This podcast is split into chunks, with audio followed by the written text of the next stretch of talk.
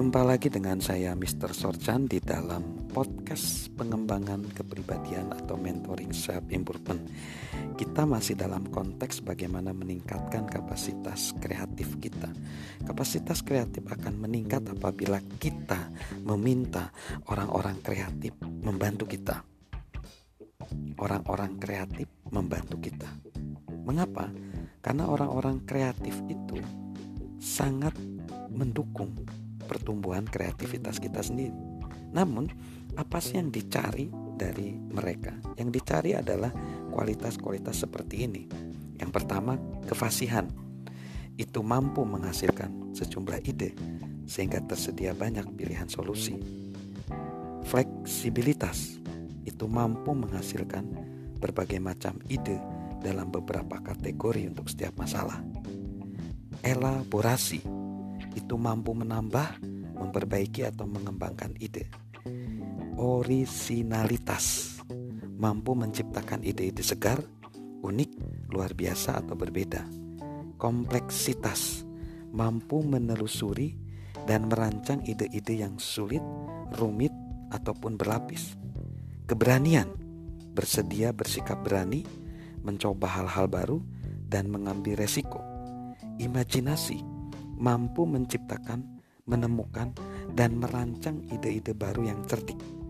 Kenyamanan, bersedia menghargai ide-ide orang lain dan tidak bersekukuh membela ide sendiri. Nilai, mampu berpikir dan mencipta sesuai dengan nilai-nilai serta prioritas kita. Orang-orang seperti itulah yang bisa membantu kita berdaya cipta. Tinggalkan saja orang-orang yang bersifat analis, kritikus, editor, pendidik, dan pelaksana. Jika tidak, sayap kreatif kelompok itu akan patah sebelum kita memberi mereka ruang untuk terbang.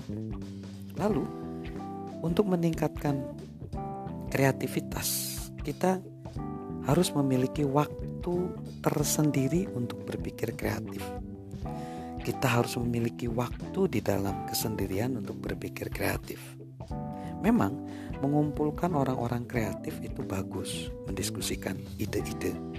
Namun, di dalam kesendirian pun kita harus memiliki ruang bagi kita sendiri supaya kreativitas kita berkembang. Kita harus berusaha menjadwalkan waktu setiap hari dan juga menambah waktu setiap minggu, setiap bulan dan setiap tahunnya. Penjadwalan waktu ini untuk kita menjadi lebih kreatif dan mempunyai inspirasi dalam berdaya cipta. Kita bisa menciptakan ruang dalam kesendirian itu. Dalam ruang kesendirian itu kita akan meningkatkan daya kreativitas kita. Ada seseorang penulis bernama W. Somerset Maugham berkata bahwa e, kreativitas itu memang harus dijadwalkan di dalam kehidupan kita. Ada kedisiplinan dalam pengembangan kebiasaan itu. Dia menulis begini. Saya menulis hanya ketika inspirasi muncul Untunglah inspirasi itu muncul setiap pagi tepat pukul 9. Maka kalau kita menjadwalkan waktu kita sendiri, kita disiplin sendiri dan terjadwal setiap hari, maka daya kreativitas kita akan terus meningkat.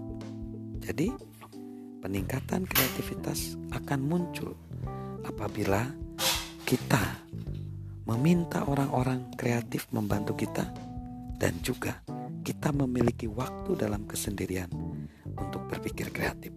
Salam sukses luar biasa dari saya, Mr. Sorchan.